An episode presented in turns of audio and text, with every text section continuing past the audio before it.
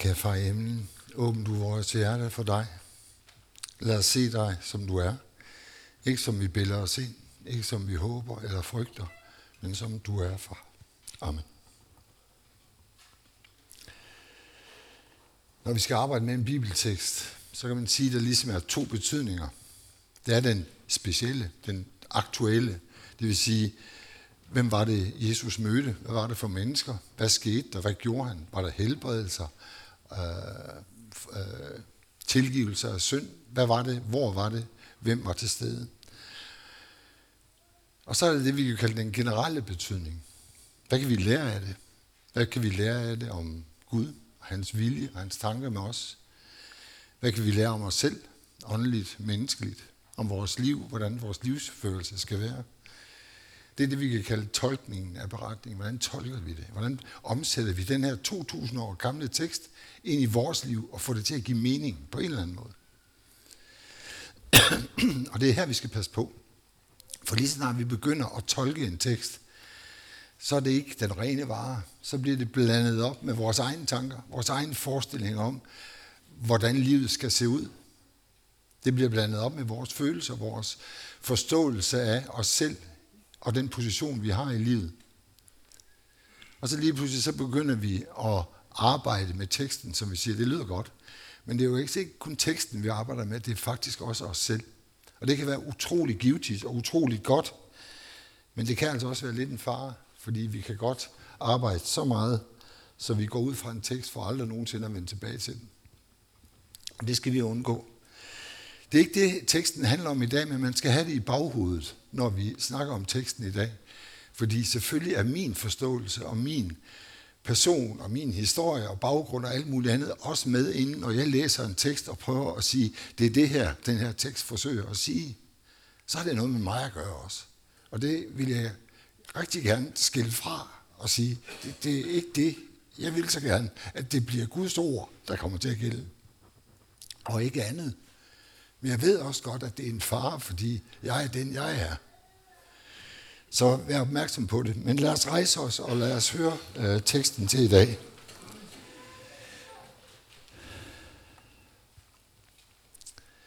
Den står i Lukas kapitel 11. Nej, undskyld, kapitel 17, vers 11-19.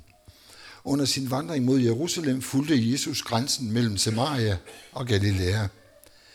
Da han var på vej ind i en landsby, mødte han ti spedalske. De blev stående langt fra ham og råbte, Jesus, mester, forbarm dig over os. Da han så dem, sagde han, gå hen og bliv undersøgt af præsterne. Og mens de var på vej derhen, blev de rene. Men en af dem vendte tilbage, da han så, at han blev helbredt. Han priste Gud med høj røst og kastede sig på sit ansigt for Jesu fødder og takkede ham. Og det var en samaritaner.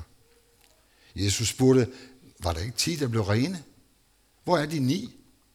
Er det kun denne fremmede, der vendte tilbage for at give Gud æren? Og han, og han sagde til ham, stå op og gå herfra. Din tro har faldt dig. Amen.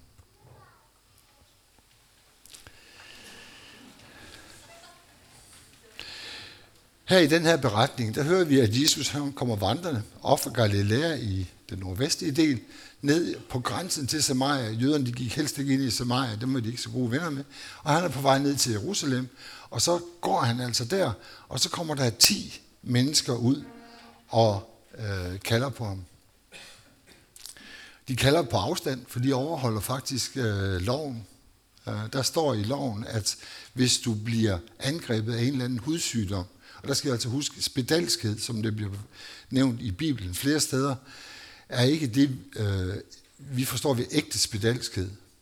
Øh, ægte spedalskhed, det er en, syg, en bakteriel sygdom, som angriber nerver og, og, og hud og knogler, og gør den porøs og skrøbelig. Og ja, det er en frygtelig sygdom. Det er simpelthen en frygtelig sygdom på alle måder, det vender vi lige tilbage til. Men det var altså også forskellige udslæt, hudsygdomme. Øh, Øh, så i, i øh, 3. Mosebog kapitel 13-14, der står der beskrivelsen af, hvordan man skal forholde sig, hvis nu man lige pludselig får et udslæt, et eller andet, som ser mistænkeligt ud. Så skal man gå til præsten, og han vil så sende ind i isolation i syv dage, og så se, om det er blevet værre eller bedre osv. Og så kan han så ud for det afgøre, om det her det er altså noget, der vokser og bliver til livstruende og smitsomt for andre. Gør det det, så står der nogle klare for, øh, formaninger til, hvordan man skal gøre. Man skal for det første gå i, i turede tøj. Man skal simpelthen flænge sit tøj. Og øh, det hænger jo sådan, nej, det vender jeg lige tilbage til. Men, og så skal håret hænge løst ned, stridte, hænge løst ned. Øh, underansigtet skal være tilhyllet, og det er jo fordi, der er en smittekilde i ens øh, udånding. Og så skal de altid holde sig på afstand af andre mennesker, og når de møder, hvis de møder et menneske, så skal de på god afstand råbe, uren, uren. Så folk ved, at oh, der er noget helt pivgalt her. Her skal jeg nok holde mig lidt på afstand. Og så skal de bo uden for byerne. Og sådan rent, rent øh, smittemæssigt, så giver det jo god mening, alle de her forholdsregler. Faktisk, selvom de ikke vidste en pind om bakterier og virer og andre ubehageligheder, så er det gode regler. Det er også der, det her med, at man skal holde sig isoleret i øh, 40 dage, øh, som også optræder i Gamle Testamentet, det er også rigtig godt. Det er det, man kalder karantæne. Ordet karantæne kommer af 40. Så når man er i karantæne, så skal man holde sig på afstand af andre mennesker i 40 dage, for at undgå at smitte dem med diverse sygdomme. Men det her det er altså ikke bare en ubehagelig sygdom.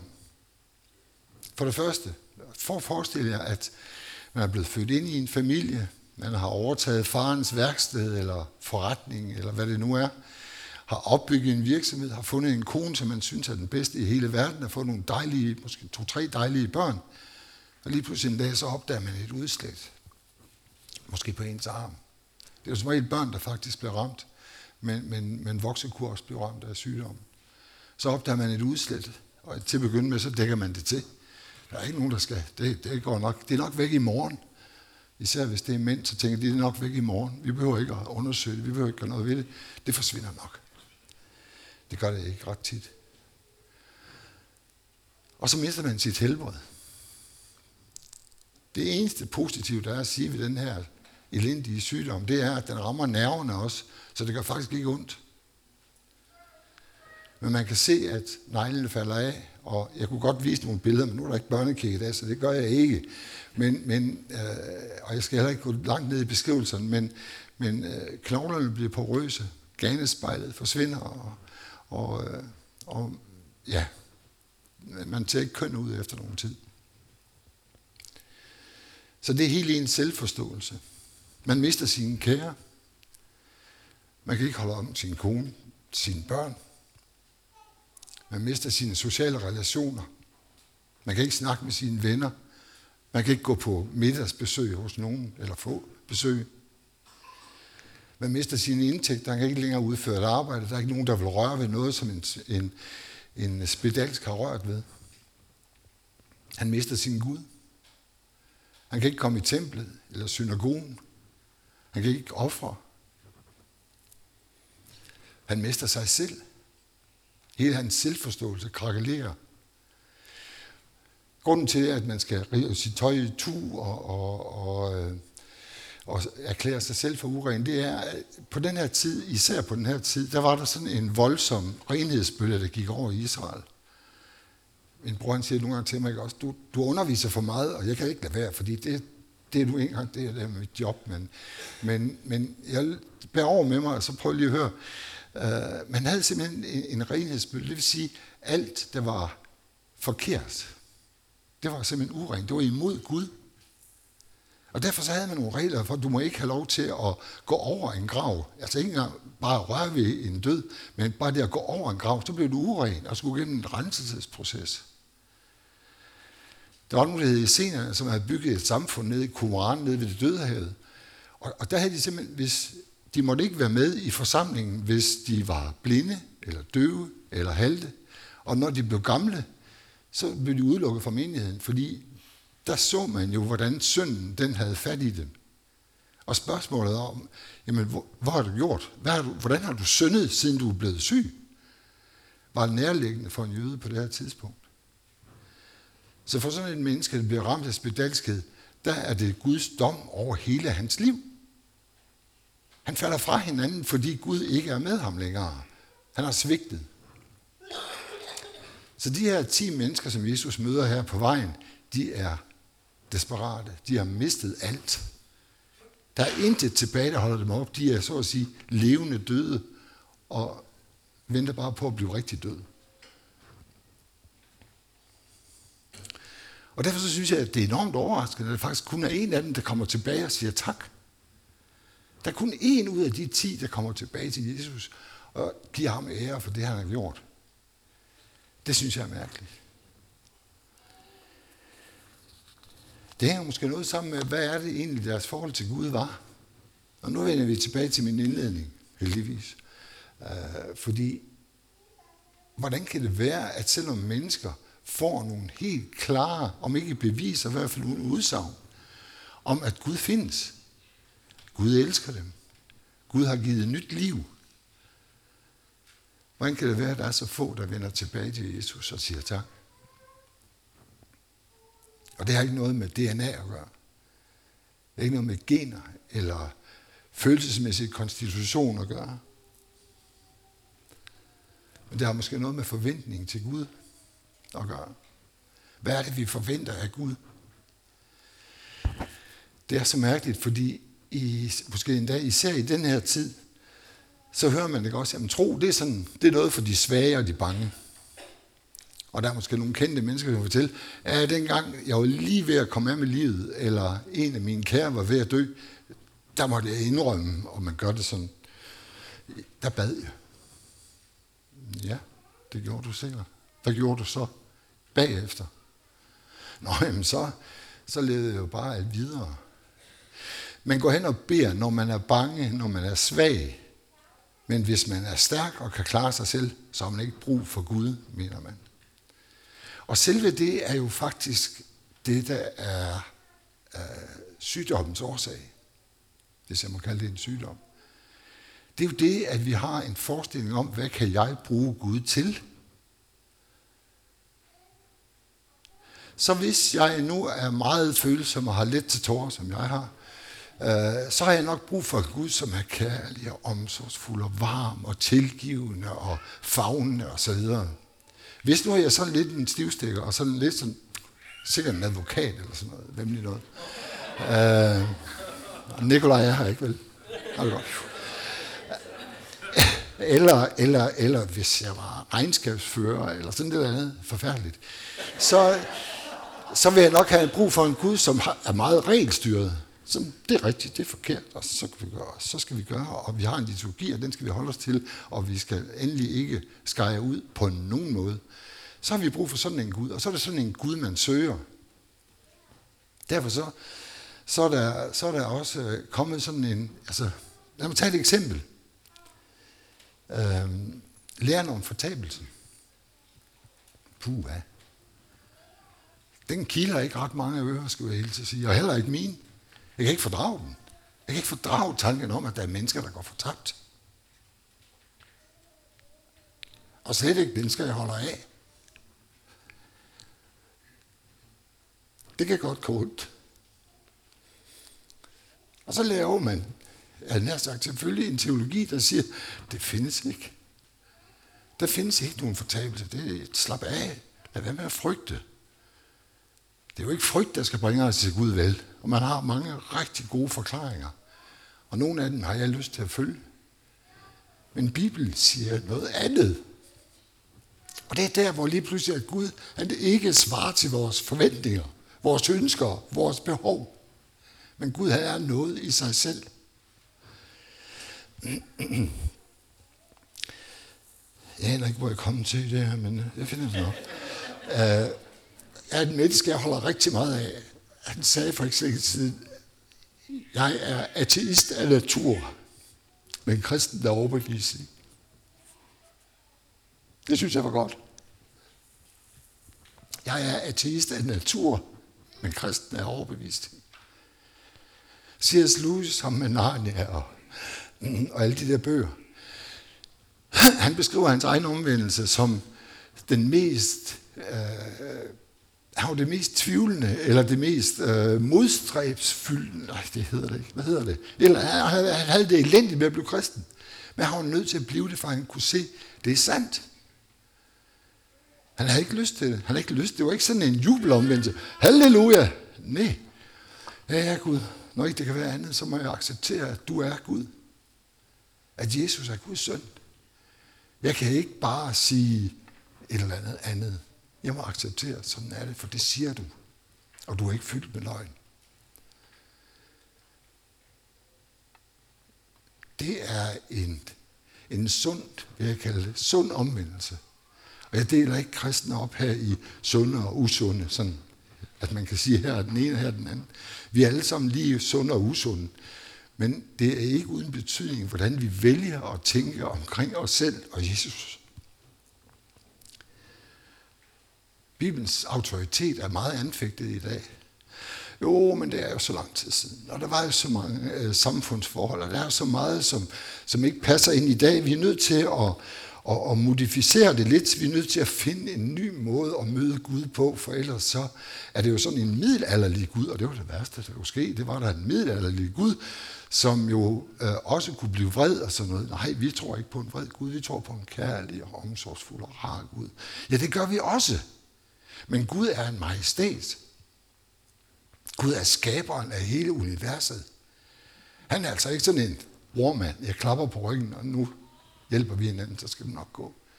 Sådan fungerer det bare ikke. Så har vi gjort os et falsk billede af Gud.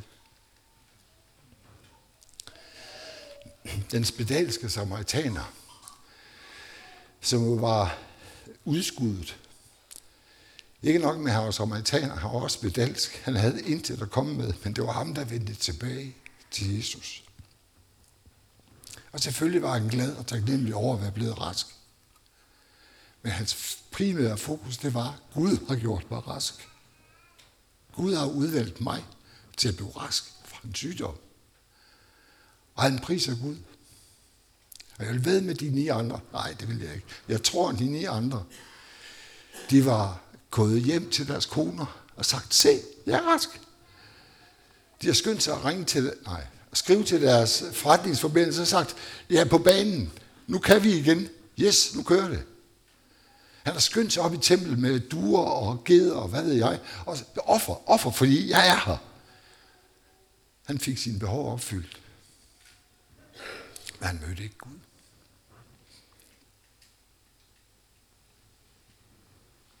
Det betyder ikke, at man skal isolere sig og glemme verden. For Jesus siger også til, til ham, øh, der vendte tilbage, han siger, gå, gå hjem igen og lev dit liv. Din tro har frelst dig. Så lev dit liv. Gør dine forretninger. Elsk dine koner og dine børn. Vær god ved dine venner. Vær omsorgsfuld ved dem, der er spedalsk, for eksempel. Men gør det i tro på Gud. Gud har grebet ind i hans liv og genfødt ham til et evigt liv i Guds arme. Skal vi bede. Lov takker evig ære være dig, vor Gud, Far, Søn og Helligånd, du som var, er og bliver en sand i Gud, højlovet fra første begyndelse, nu og i al evighed. Far i himlen, vi takker dig for, at du er os nær.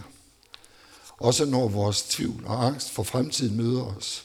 Herre, vi takker dig for, at du i vores ufuldkommenhed ikke forkaster os og tager din nåde fra os og tilregner os den dom, som vi fortjener – men at du løfter os op i tillid til, at du ved, hvad der tjener os bedst.